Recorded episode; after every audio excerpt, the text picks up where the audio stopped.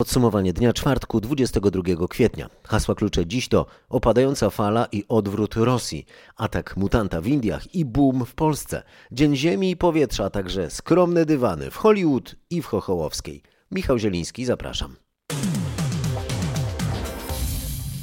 A podsumowanie dnia jak zwykle zaczynamy od bilansu pandemicznego, chociaż mam nadzieję, że to niedługo będzie się mogło zmienić. 694 osoby zmarły w ciągu poprzedniej doby, to nadal bardzo dużo. Na szczęście spada liczba zakażeń. Tym razem to 12 762 przypadki.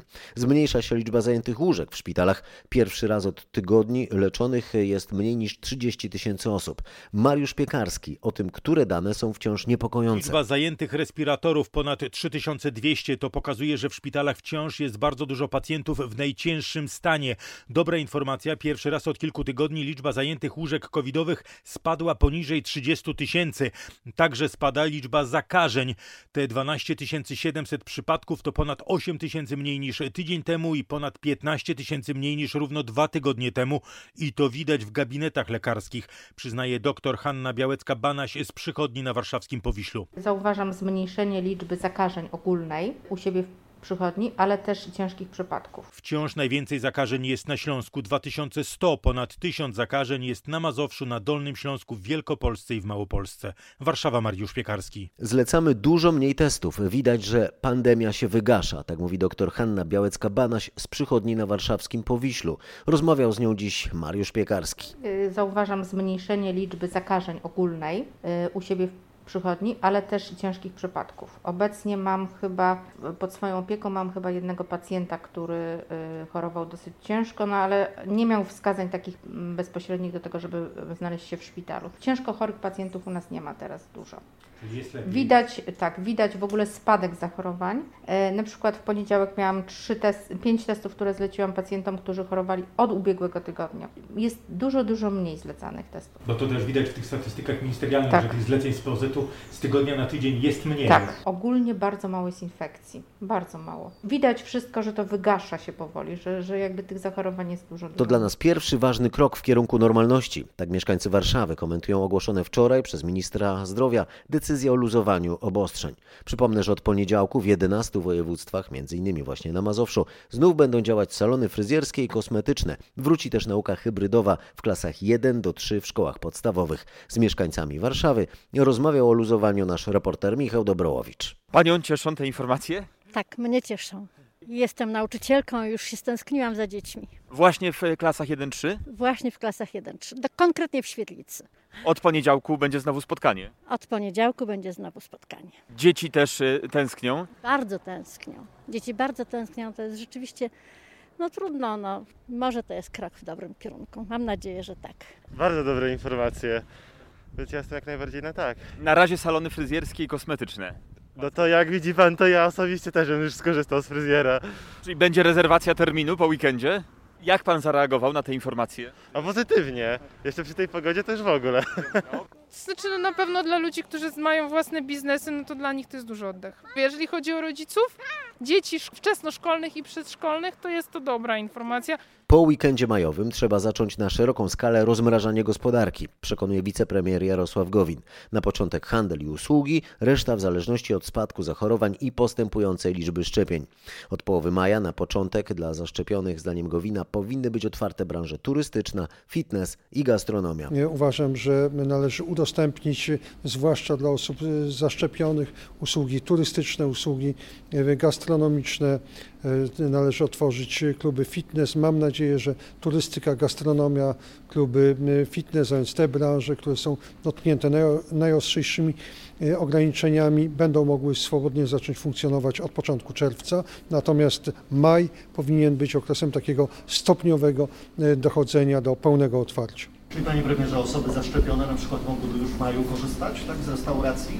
Ja jestem zdeklarowanym zwolennikiem e, takiego mm, rozwiązania. Uważam, że skoro ktoś jest już po podwójnym szczepieniu, jest w pełni e, bezpieczny, nie może ani sam się zarazić, ani zarazić innych, to tego typu osoby z odpowiednimi certyfikatami e, powinny móc zacząć korzystać z, zarówno z usług turystycznych, jak i z usług gastronomicznych.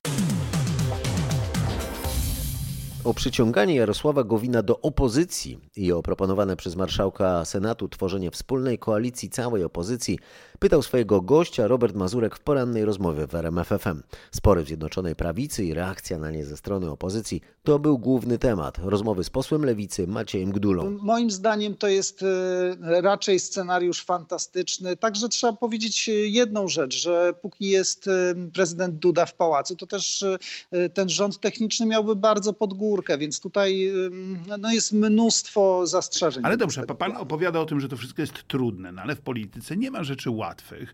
Czy te wszystkie wezwania do tego, by przeciągnąć Gowina, to to są tak naprawdę, to jest działalność publicystyczna polityków, czy to jest serio plan? Innymi słowy, czy my mamy was traktować poważnie, kiedy mówicie o tym, że chcecie złożyć taki wniosek o konstruktywne wotum nieufności, że chcecie wspólnej koalicji całej opozycji, czy też po prostu mamy się z tego troszkę pośmiać i iść sobie dalej? E, myślę, że dla części ludzi e, w Sejmie taka wizja, że oto Gowin wraca do centrum jest e, jakoś atrakcyjna, no bo oni Gowina rzeczywiście znają z czasów, kiedy jeszcze nie był w Zjednoczonej Prawicy i dla nich to jest może naturalne. Dla mnie, przyznam, jest to dość egzotyczny pomysł.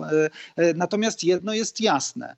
Koalicja Zjednoczonej Prawicy się sypie i to widać choćby w kwestii no tak, ale, Funduszu ale Odbudowy. Wycofano to, bo, bo O tym będziemy jeszcze za chwileczkę rozmawiać. Wie pan, bardziej mnie interesuje teraz to, czy tak naprawdę chcecie powołać koalicję zamiast Zjednoczonej Prawicy, czyli z Gowinem plus całą opozycją. No i panie profesorze, pytam profesora Macieja Gdule, posła Lewicy, nie potrafię usłyszeć jasnej, klarownej odpowiedzi na to pytanie. Powiem tak, y, to jest pomysł, który na części opozycji jest y, bardzo, y, bardzo mocno rozważany i atrakcyjny. Dla części opozycji wydaje się propozycją Ale zbyt mi, Dobrze, a dla lewicy, Więc... dla lewicy, panie pośle, niech pan powie o lewicy. Czy lewica chciałaby takiej koalicji? No, co, co odpowiecie marszałkowi Grockiemu? Y, no, mogę odpowiedzieć za siebie na, y, na 100%. To powiem, że y, ja siebie nie widzę w koalicji z Konfederacją. Pan wspomniał o Europejskim Planie Odbudowy. Rzeczywiście Polska go nie głosuje. Też wiele państw europejskich jeszcze go nie zagłosowało, ale w końcu on będzie musiał stanąć przed, jako punkt obrad na posiedzeniu Sejmu. Czy lewica podniesie rękę, proeuropejska lewica, za tym, by ten program przyjąć w imię dobra całej Europy, czy też odrzucić, żeby zaszkodzić PiSowi? E, na pewno nie chodzi nam o to, żeby zaszkodzić PiSowi. Jak zgłaszamy swoje wątpliwości, to głównie dlatego, że boimy się, że te pieniądze zostaną albo rozkradzione, albo zmarnowane. I dlatego nam zależy na tym, żeby powstała instytucja, która będzie kontrolowała wydatkowanie tych środków. No, sporo zależy od tego, co zrobi też PiS, no, na ile będzie chciał współpracować z opozycją. Moim zdaniem to, to nie jest tak, że pan opozycja jest w stanie tak, w Ostatnie pytanie naprawdę, bo już musimy kończyć, to jest takie. Czy pan naprawdę wyobraża sobie, że pan będzie głosował przeciwko temu planowi odbudowy? Tak jak cała skrajna prawica w, w całej Europie? Y, powiem tak, na pewno lewicy bardzo zależy, żeby te pieniądze trafiły do Polski, żeby wspierały rzeczywiście y, rozwój po pandemii. To podsumowanie dnia czwartku 22 kwietnia. W dalszej części podsumowania dnia o tym, jak Rosja wycofuje wojska z nadgranicy z Ukrainą, a Stany Zjednoczone zapowiadają nowy cel redukcji emisji dwutlenku węgla. Polska się buduje, o tym teraz. W marcu padł rekord liczby rozpoczętych budów. W ubiegłym miesiącu zaczęto budowę 30 tysięcy mieszkań i domów. To rekord. Wydano prawie 34 tysiące pozwoleń na budowę i to jest drugi najwyższy miesięczny wynik w historii. Oddano do użytku 20 tysięcy lokali. To też niezły wynik. W zaledwie rok od rozpoczęcia epidemii koniunktura w budownictwie mieszkaniowym jest najlepsza w historii. W każdym z obszarów badanych przez Główny Urząd Statystyczny mamy do czynienia z biciem rekordów. Nie przeszkodziła w tym nawet trzecia fala zachorowań. Jej efektów próżno szukać w najnowszej publikacji urzędu. Powodem jest to, że Polacy są bardzo chętni do kupowania mieszkań. W efekcie oferty deweloperów szybko są przebierane i niezbędne jest uruchamianie kolejnych projektów, aby zaspokoić popyt zgłaszany przez rodaków. Chętnych nie brakuje ze względu na najtańsze kredyty w historii czy niemal nieoprocentowane lokaty skłaniające do poszukiwania bardziej zyskownych inwestycji. Swoje trzy grosze dorzuca też wzmożona inflacja. to przed nią wiele osób chce uchronić kapitał, do czego często wykorzystujemy nieruchomości uznawane za bezpieczną przystań. Wszystko to nie byłoby jednak możliwe, gdyby pomimo niesprzyjających okoliczności nie utrzymała się przyzwoita sytuacja na rynku pracy. Analityk Hare Investments Bartosz Turek dodaje, że na razie brakuje wiarygodnych danych o cenach transakcyjnych, które pozwoliłyby ocenić, jak ta sytuacja wpływa na ceny nieruchomości. Polacy szykują się do zakupów, coraz więcej z nas e, planuje większe zakupy w nadchodzących miesiącach, tak wskazują badania. A sprzedaż detaliczna już mocno przyspieszyła. Główny Urząd Statystyczny ogłosił, że w marcu była ona wyższa niż rok wcześniej o 15%. No, oczywiście w marcu zeszłego roku sprzedaż była wyjątkowo niska, ale eksperci spodziewali się raczej wzrostu o 10, a nie o 15%. Dane wskazują na wysoki wzrost sprzedaży tekstyliów i mebli oraz w sektorze motoryzacyjnym. We wszystkich wymienionych grupach w ubiegłym roku doszło do głębokiej zapaści obrotów. Spodziewamy się wysokiego wzrostu sprzedaży detalicznej w drugim kwartale. W kwietniu wzrost przekroczy 20%. To w dużej mierze efekt niskiej bazy porównawczej, ale warto też podkreślić optymistyczne nastawienie polskich konsumentów. Deklarują oni największą od początku pandemii chęć ponoszenia dużych wydatków w ciągu następnych 12 miesięcy, np. na zakup mebli czy samochodu. Wyniki te pozytywnie wyróżniają się na tle Niemiec oraz pozostałych państw Grupy Wyszehradzkiej. Zauważa analityk Polskiego Instytutu Ekonomicznego Michał Gniazdowski.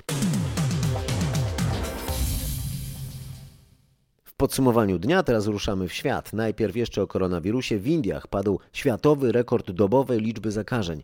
Tamtejsze Ministerstwo Zdrowia poinformowało o niemal 315 tysiącach nowych infekcji w ciągu 24 godzin. W Indiach w tempie błyskawicy rozprzestrzenia się nowy wariant koronawirusa, który jest pochodną mutacji brazylijskiej i amerykańskiej. Wiadomo, że ten wariant jest już w Europie. W Wielkiej Brytanii potwierdzono już ponad 100 przypadków infekcji. Francuskie władze planują zawieszenie połączeń lotniczych z Indiami właśnie w obawie przed rozprzestrzenieniem się indyjskiego wariantu koronawirusa we Francji. Rosja zarządza wycofanie wojsk z nad granicy z Ukrainą. Minister obrony tego kraju oświadczył, że oddziały mają wrócić do swoich stałych baz. Siergiej Szojgu powtórzył, że dyslokacja miała cele ćwiczebne i że ten sprawdzian gotowości został w pełni zrealizowany. Wcześniej rosyjskie władze zapewniały, że zgromadzenie znaczących sił wojskowych przy granicy z Ukrainą związane jest z ćwiczeniami, które są odpowiedzią na wielotygodniowe natowskie manewry Defender Europe, które obejmują przerzut wojsk amerykańskich ze Stanów Zjednoczonych do Europy i ich transport na wspólne ćwiczenia z siłami innych krajów, głównie na poligonach w rejonie Morza Czarnego i Bałtyckiego. Do swoich baz mają wrócić dwie rosyjskie armie i dwie dywizje desantowe. W przypadku jednej z tych armii, 41, bazy niektórych oddziałów położone są na Syberii, nawet ponad 3,5 tysiąca kilometrów od granic z Ukrainą. Według ocen ukraińskich i zachodnich, wliczając wojska na Krymie, Rosja zgromadziła w regionie ponad 100 tysięcy żołnierzy. Wycofywane oddziały to kilkadziesiąt tysięcy ludzi, ale na Krymie nadal trwały dziś ćwiczenia z udziałem około 10 tysięcy żołnierzy. Prezydent Ukrainy Wołodymyr Zełenski w reakcji zapewnił, że jego kraj pozostaje czujny, ale też podziękował sojusznikom za naciski czynione na Rosję. Nie jest jasne, czy wycofywanie rosyjskiego wojska jest elementem targów między Rosją i Zachodem. W każdym razie Władimir Putin ani słowem wczoraj nie wspomniał o Ukrainie podczas swojego wystąpienia przed Radą Federacji. Ostrzegał natomiast, by w stosunkach z jego krajem nie przekraczać, jak to ujął, czerwonej linii i groził, że w przeciwnym wypadku nastąpi odwet. W wystąpieniu prezydent Rosji ostrzegał, że ci, którzy działają przeciwko jego krajowi, jak to powiedział Władimir Putin, pożałują tak jak dawno niczego nie żałowali. Naprawdę nie chcemy palić mostów, ale jeśli ktoś nasze dobre intencje myli z obojętnością lub słabością i sam w końcu próbuje je spalić, a nawet wysadzać, to powinien wiedzieć, że odpowiedź Rosji będzie asymetryczna, szybka i zdecydowana. I Dziś rzecznik Kremla wyjaśniał, że y, owa czerwona linia przebiega na granicy rosyjskich interesów narodowych. Oświadczył też, że Władimir Putin został poinformowany o propozycji prezydenta Ukrainy, by szefowie tych dwóch państw spotkali się na terenie Donbasu na wschodzie Ukrainy. Na tę propozycję Putin odpowie sam, jeśli uzna to za potrzebne, oświadczył y, Dmitrij Pieskow.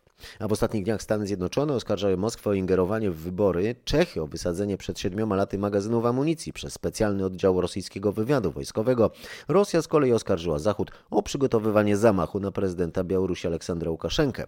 Na Kremlu zapewne odnotowano również, że kilka dni temu polski premier komentując film przygotowany przez Antoniego Macierewicza o tragedii w Smoleńsku oświadczył, że gdyby Rosja miała czyste sumienie, dawno oddałaby Polsce wrak i czarną skrzynkę. Wystąpienie Władimira Putina miało miejsce w czasie, gdy w kilkudziesięciu miastach Rosji zorganizowano demonstrację poparcia dla uwięzionego opozycjonisty Aleksieja Nawalnego.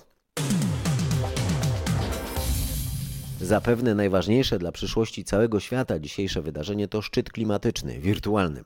Szefowa Komisji Europejskiej Ursula von der Leyen potwierdziła na nim, że będziemy płacić za emisję dwutlenku węgla w Europie nie tylko z fabryk i z elektrowni, ale też budynków i samochodów. Prezydent Chin Xi Jinping zapowiedział odchodzenie w jego kraju od węgla od 2025 roku. Nawet znany z rezerwy wobec ochrony środowiska prezydent Brazylii Jair Bolsonaro obiecał wydatne zmniejszenie emisji CO2. Jednak największe zainteresowanie nie wzbudziło oświadczenie prezydenta Stanów Zjednoczonych, które oznacza definitywny koniec polityki Donalda Trumpa.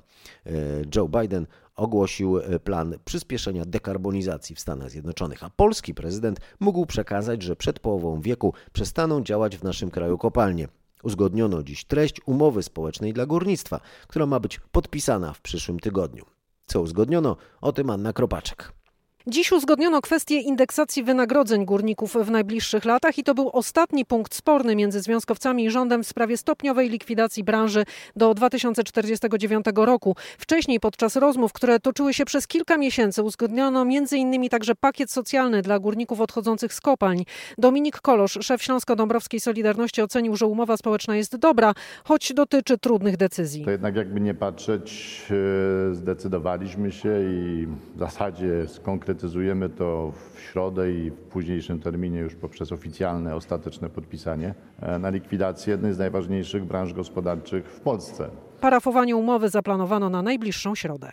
Jeśli nic nie zmienimy, to zmiany klimatyczne spowodują, że nasze życie zmieni się nie do poznania ostrzegają eksperci, a wśród nich Kamil Wyszkowski, dyrektor generalny ONZ Global Compact w Polsce. No teraz, y, jak teraz rozmawiamy, trwa y, szczyt przywódców, y, który zwołał Joe Biden, nazywany takim nieformalnym szczytem klimatycznym. No, za kilka miesięcy w listopadzie w Szkocji będziemy mieć kolejny już 26 szczyt klimatyczny ONZ. No i miejmy nadzieję, że pozwoli to na obniżenie e, emisji gazów cieplarnianych i takie bardziej ambitne cele redukcyjne, które wszystkie państwa świata podejmą, a w szczególności liczymy na te 40 krajów, które zgromadził e, prezydent Joe Biden, bo to są kraje nieprzypadkowo dobrane. To są te kraje, które mają najwyższe wskaźniki emisji, w tym Polska.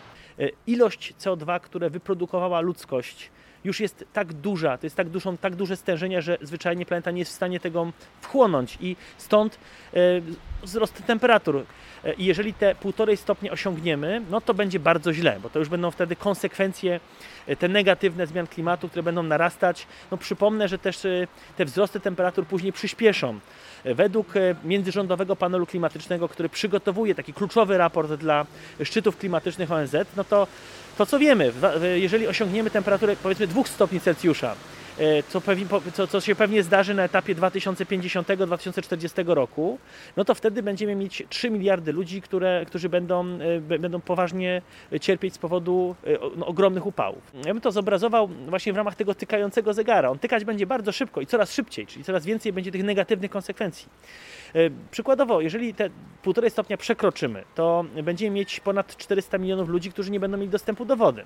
Jeżeli sobie wyobrazimy, że co dziesiąte zwierzę że umrze z powodu zbyt wysokich temperatur, to to, to może spowodować globalny kryzys żywnościowy, po prostu klęski głodu.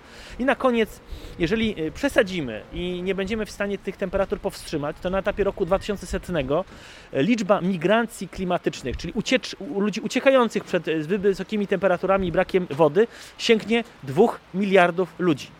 Według ONZ nie jesteśmy w stanie pokojowo przeprowadzić tego procesu, to będą wojny o wodę, żywność i terytorium. Dziś obchodzony był Międzynarodowy Dzień Ziemi, także Kościół przypomina, że zaśmiecanie planety jest grzechem i wystąpieniem przeciwko boskiemu stworzeniu i jednemu z dziesięciu przykazań. Nauka Kościoła silnie nawiązuje tu również do świętego Franciszka z Asyżu, który każde boskie stworzenie nazywał braćmi mniejszymi. Mówi o tym franciszkanin ojciec Jan Maria Szewesk, z którym rozmawiał nasz reporter Marek Wiosło. Od pół wieku obchodzimy Dzień Ziemi. Jest to ważny dzień również dla ludzi wierzących, chrześcijan, dlatego że w pierwszej księdze Pisma Świętego, w księdze rodzaju mamy napisane, że Pan Bóg stworzył człowieka na swój obraz, na swoje podobieństwo i umieścił człowieka w ogrodzie Eden, aby uprawiał go i doglądał. Czyli powołał nas do roli ogrodnika, tego, który się troszczy o całe stworzenie. Dla nas Franciszkanów to też jest pod tym względem ważne, ponieważ święty Franciszek z Asyżu bardzo kochał wszelkie stworzenie. Każde stworzenie nazywał swoją siostrą, swoim bratem, bo stwierdził, że skoro mamy tego samego Ojca Stworzyciela, to dla siebie nawzajem jesteśmy rodzeństwem.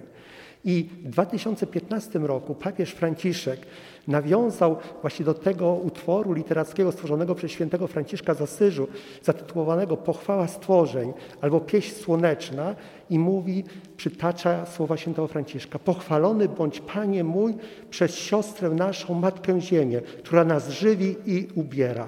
Czy możemy wobec tego stwierdzić, że zaśmiecanie planety, zaśmiecanie y, Ziemi to grzech? Oczywiście, dlatego że każde niszczenie przyrody, zadawanie niepotrzebnego bólu jest grzechem, jest wykroczeniem przeciwko piątemu przykazaniu nie zabijaj. Od strony pozytywnej dbaj o zdrowie, dbaj o życie.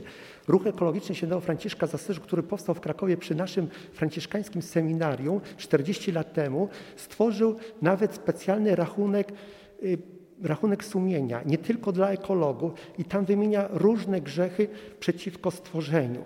I z tym rachunkiem sumienia możemy się zapoznać wchodząc na stronę świętostworzenia.pl. Mamy pięć warunków nawrócenia i ostatni to jest właśnie naprawienie krzywdy. Czyli jeżeli ktoś zaśmieca przyrodę, to nie wystarczy, że później pójdzie do konfesjonału i wyzna ten grzech, ale on musi pozbierać te śmieci. A jeżeli ktoś za niego zrobił, to musi w jakiś sposób zadośćuczynić, choćby miastu, choćby przekazując jakieś fundusze na cele charytatywne. To jest także pewna, rozumiem, kwestia dotycząca e, ekologii, bo my mówimy też o zaśmiecaniu. Czy możemy też mówić o na przykład, nie wiem, oszczędności wody?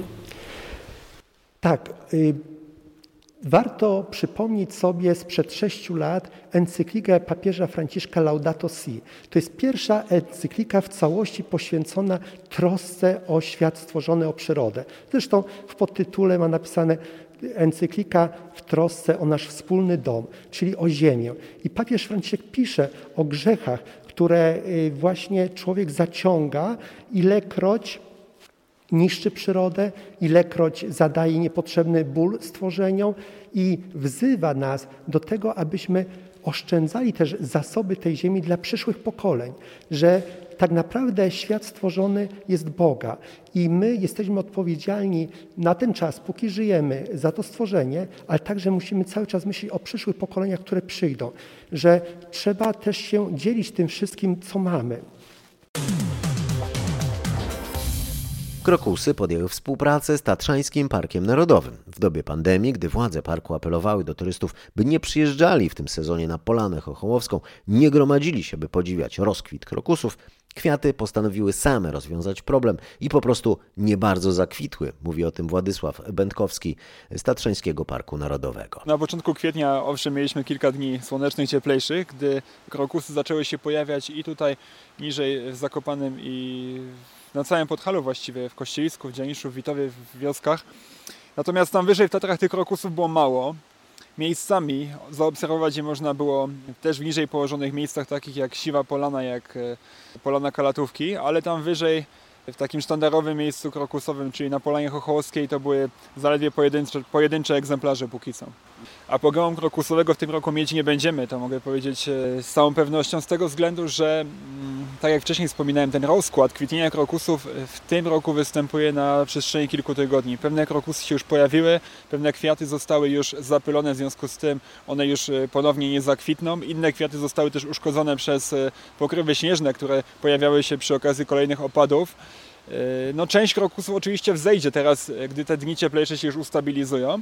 Natomiast takiego apogeum krokusowego mieć, jak to w latach niektórych poprzednich, nie będziemy. No i problem rozwiązany. Nie ma fioletowych dywanów na Chochołowskiej, w Hollywood nie będzie dywanów czerwonych o czym informuje z fabryki snów Paweł Żuchowski. Ceremonia odbywać się będzie w aż czterech lokalizacjach. Tu w Hollywood, gdzie jestem, w Los Angeles, Londynie i Paryżu. Maluteńki czerwony dywan, brak zaproszeń dla najpotężniejszych ludzi Hollywood oraz maski w roli głównej. Kalifornia jest jednym ze stanów najbardziej dotkniętych epidemią i tu wciąż jest wiele obostrzeń. Będzie mnóstwo łączeń na żywo, jednak by podnieść jakość, zrezygnowano z popularnych komunikatorów, tylko połączenia satelitarne. Gala, choć z dużymi ograniczeniami, ma być nadal wyjątkowym wydarzeniem. Ceremonia odbędzie się w nocy z soboty na niedzielę naszego czasu, a podsumowanie dnia już jutro wieczorem. Zachęcam do słuchania i subskrybowania. Pozdrawiam i do jutra.